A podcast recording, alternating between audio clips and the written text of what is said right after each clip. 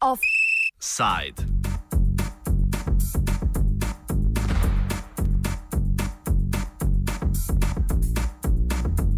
Središči pozornosti javnosti in medijev se trenutno odvijata v Švici, Svetovni gospodarski forum ter Sirska mirovna konferenca v Montroju. Medtem se v Grčiji odvija strani njihovih novinarjev poimenovana Grška Lampedusa. 12 afganistanskih beguncev je v noči iz nedelje na ponedeljek umrlo v Egejskem morju. Grške obalne straže so zatrjevale, da so le te skušali rešiti, a z vsakim dnem je na voljo več pričevanj in dokazov, da so posebne obalne straže v novič postopale tako, kot je bilo pred meseci opisano v poročilu skupine ProAzil. S prisilnim vračanjem v turške vode, tokrat zaradi slabega vremena, usodno.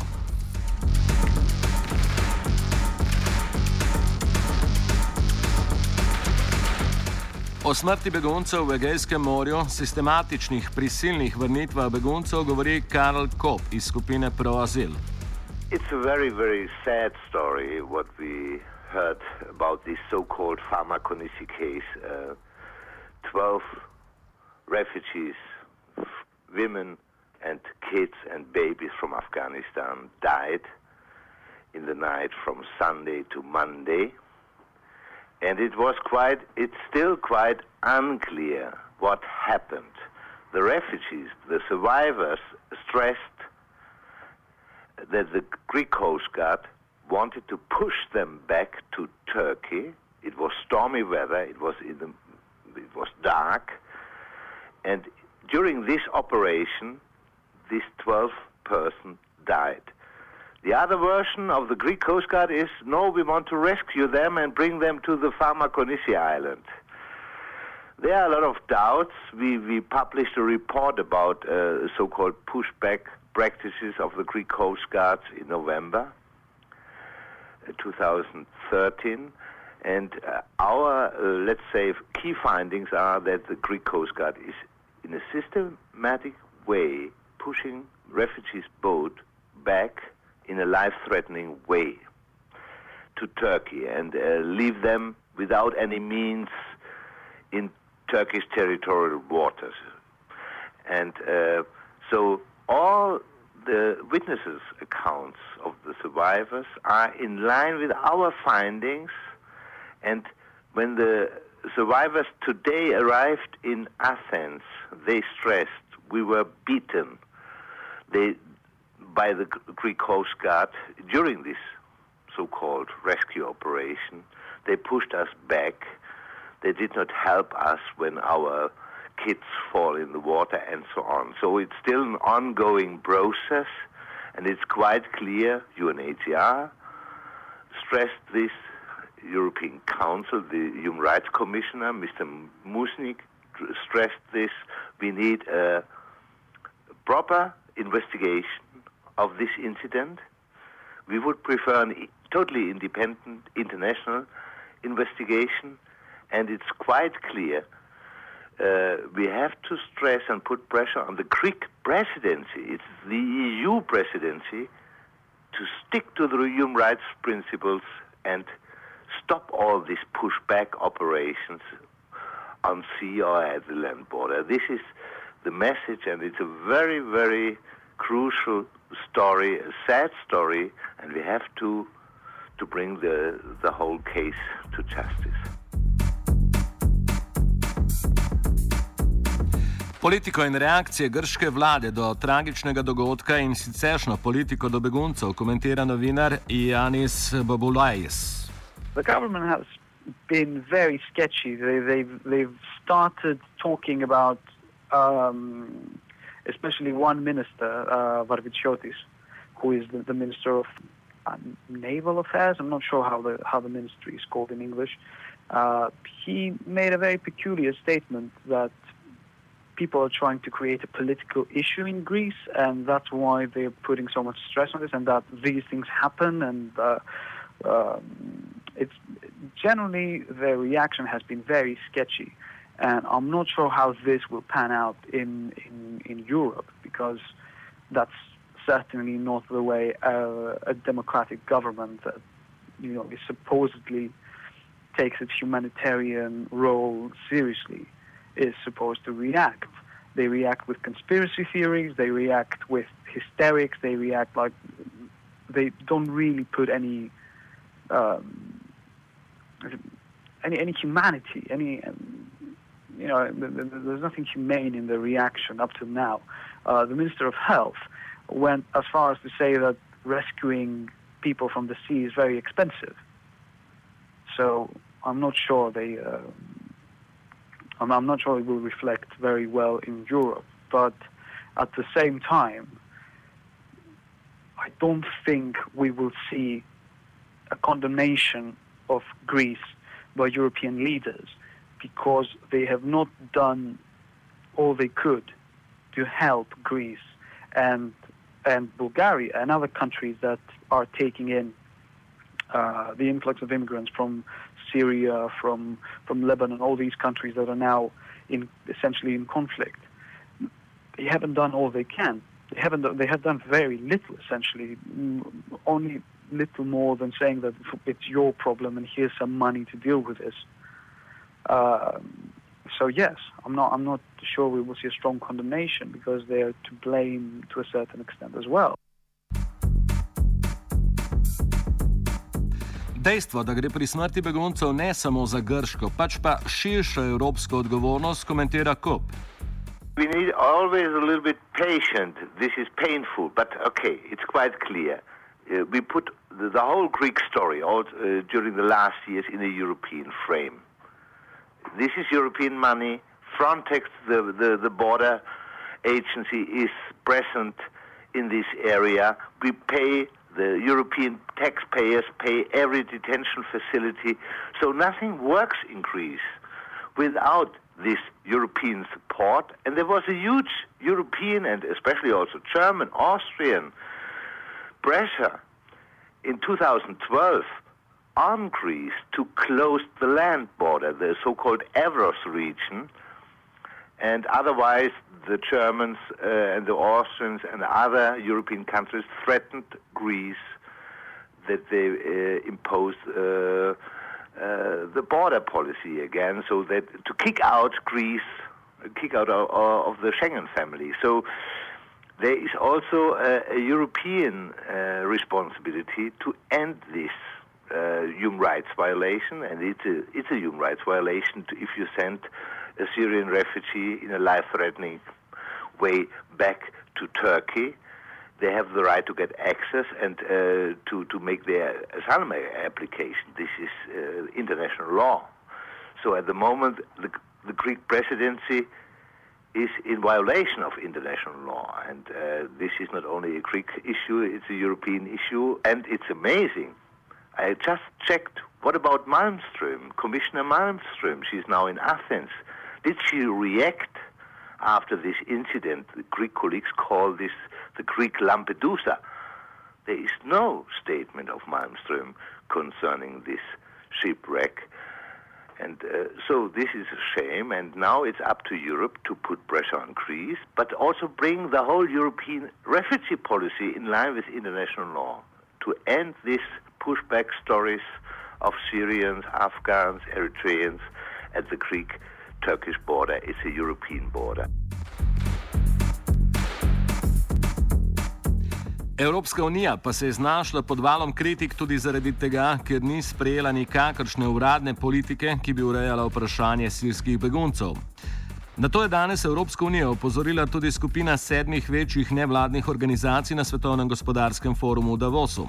Kop pomankanje uradne politike strani Evropske unije komentira takole. After three when the rebellion started against uh, Assad, there is still not a, a European plan concerning uh, refugees from Syria.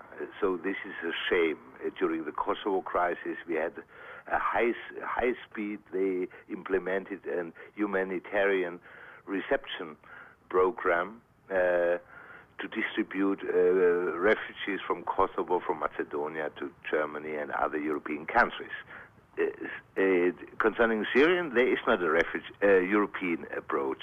The Germans have a humanitarian uh, admission program. At the moment, the, the German government offers 10,000 places. Other European countries altogether, I think, two, 3,000. That, that means there is not a common European approach. And to, to keep it simple, we need a human rights-based approach at the border, that they get access to Europe, not in a life-threatening way, that they are not pushed back, that they uh, could uh, apply for asylum. We need more solidarity within Europe. Yeah, don't leave Bulgaria and Greece and, and Italy alone. We have to share the responsibility also within Europe, and we need a common European resettlement or humanitarian admission program for Syrian refugees in Lebanon, in Jordan, in Turkey, in Egypt, or in Libya. So, to, to, to, to end these life threatening uh, flights uh, via the Mediterranean or the Aegean, the only way uh, is to offer legal and safe ways to their family member, uh, members. They have family, we have a huge community in Germany. 50,000 Syrians live in Germany with the status. Yeah, many of them are now German citizens. So uh, give them a chance to support their family members, their mothers, uh, legal ways to protect them in Europe. This, is the only solution, and we have a pos- in Germany. We ha- I would say we have a quite positive debate on this but these programs are uh, very slowly, very bureaucratic, and sometimes a little bit narrow minded. So we need more. But we need more on the EU level, and we need a real initiative of Commissioner Malmström to, to organize this pledging conference where all together have to say what they want, where, how, whether they stick to the human rights and whether they are in favor or in solidarity with the Syrian refugees. O vseh silah znotraj Evropske unije, ki se pregovarjajo o tem, čigava odgovornost begunci so in kdo je odgovoren za ilegalna dejanja, ki smo jim priča v Egejskem morju, pove sledeče. The, the EU ombudsman is a lady. She, she's made very clear it's not enough to shift always responsibility to to the national member states in a Frontex operation.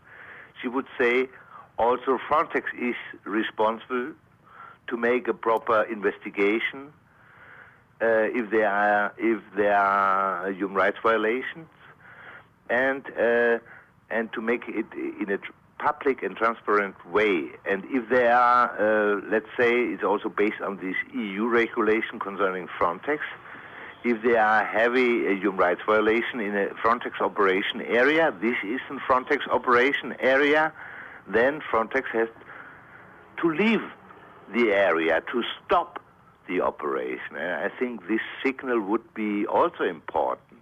It's not okay to finance uh, the boats of the Greek Coast Guards and uh, work together. And even if not Frontex is directly involved, it's not okay to work together and to ignore all these systematic human rights violations. And this is what the ombudsman stressed. You are also responsible and you should be accountable.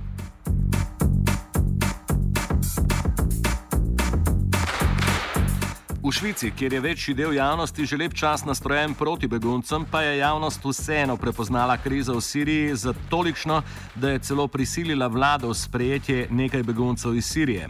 Govori Steven Frey iz Švicarskega sveta za begunce. The political atmosphere in Switzerland regarding to uh, all asylum and refugee, refugee issues is very, um, uh, it's a little bit um, strange and I would say uh, not really um, open to um, to stranger people. This is, but, but, this is not only since yesterday. It's a, it's a policy uh, uh steered by uh, right-wing uh, policy groups, and uh, now we have a not very uh, uh, warm uh, policy to refugees in, in, Switzerland. But regarding the the extreme crisis in Syria, the open the open the, the, the, the public opinion has been changed um, considerably. So therefore, the Swiss government has been obliged to change a little bit um, the positions to especially the Syrian uh, people. What, what I described uh, has been uh, uh consequences of uh, this uh, this soft soft judgment in the last few months in Switzerland. Basically, there are two different decisions made by the Swiss government. The first one is, has been to allow 500 uh, refugees uh, who are uh, identified by the UN um, Refugee uh, High Commissioner in, in Syria to, to come to Switzerland, 500 persons within uh, th- three years and under the title of contingencies uh, for uh, Syrian refugees. So this this is one one decision made by Swiss government. Uh, the second one is has been to allow um, fa- families uh, in um, in Syria which have already family bases in Switzerland can go to Switzerland uh, much more easier than the normal way to um, to seek asylum asylum in Switzerland. Therefore, they have uh, have had uh, the facilitated um, income of, uh, welcome in Switzerland. So these are two two decisions made by Swiss government. We as NGO and as a, a refugee uh, NGO, we um, basically we thought that's uh, a positive sign, but it's not enough. It's far to be enough for, regarding the, the crisis in Syria.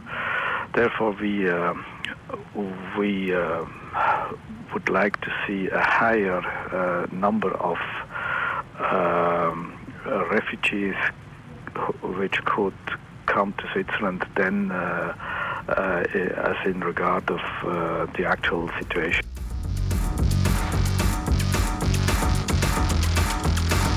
V offsajdu se je znašla Anuša. Offside.